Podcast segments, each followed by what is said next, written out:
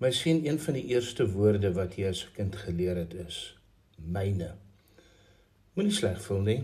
Dit is die geval met alle kinders. Dit is asof die mens gebore word met 'n selfsugtige gees. Ons wil van kleins af beskerm wat aan ons behoort en mededeelsaamheid is iets wat aangeleer moet word. As die les nie geleer word nie, verval ons in selfsugtigheid. Dit is asof ons 'n vrees ontwikkel dat iets gaan verlore gaan en ons gaan dit nie terugkry nie. Later in die lewe is dit nie meer speelgoed nie, maar geld. Jy sien, rykdom kom met die prys van 'n valse sekuriteit. 'n Valse identiteit wat ons oorlewer aan opgaarding van skatte hier op aarde. Jesus het vir ons 'n groot waarskuwing gegee oor die opgaar van skatte. In Matteus 6 vers 19 tot 21 sê hy Moenie vir julle hier op aarde skatte bymekaar maak waar mot en roes dit wegvreet en diewe inbreek en roof nie. Maak vir julle skatte in die hemel bymekaar waar geen mot en roes dit sal kan bykom nie. En waar diewe nooit sal kan inbreek en roof nie.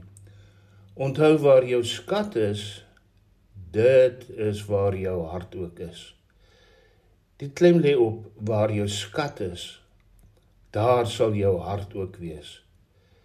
Die vraag is natuurlik, waar is jou skat? As dit by geld is, gaan jy geld najag en gaan dit moeilik wees om mededeelsaam te wees. Jy gaan aan geld vashou en sê myne. Ons Vader het vir ons 'n voorbeeld gestel.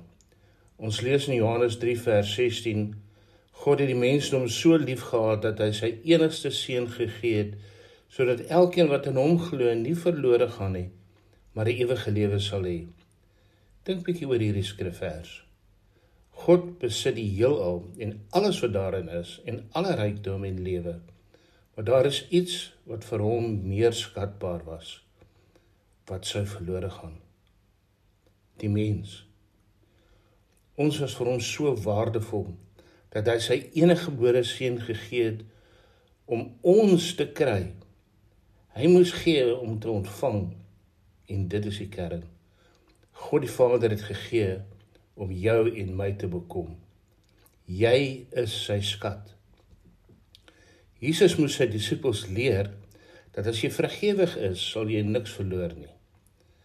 In Lukas 6 vers 38 sê dit as jy gee, sal jy ontvang, jou gawe sal na jou terugkom in volle maat, ingestamp, geskit om plek vir meer te maak tot oorlopingsvol met watter maat jy ook al meet, klein of groot, dit sal gebruik word om te meet wat jy sal terugontvang. As jy gee, sal jy terugontvang tot oorlopends toe. Dit hang alles af van die maat waarmee jy gee. Ongelukkig gebruik baie mense dit met die klem op die terugontvang. Nee, die klem is op gee. Paulus het ook vir die Korintiër kerk dieselfde konsep geleer en hy skryf Dis staan die saak so: Wie synig saai, sal karig oes.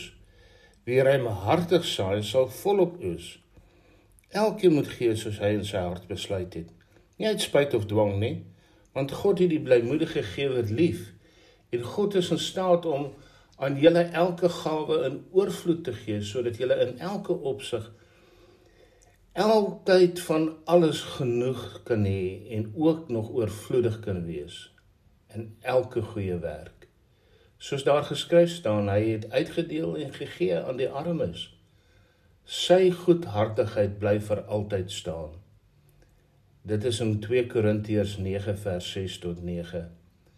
My seun breek weg van die gevoel dat jy nie genoeg sal oor hê nie. Breek weg van die idee dat alles aan jou behoort. As jou lewe aan God gegee is, sluit dit alles in, jou geld ook. Die vreugde van vrygewigheid is onbeskryflik. Dit bring vreugde in ander se lewe en hulle gaan God loof vir sy voorsiening. Jy is deel van sy hand. Onthou nou, niks is meer myne nie.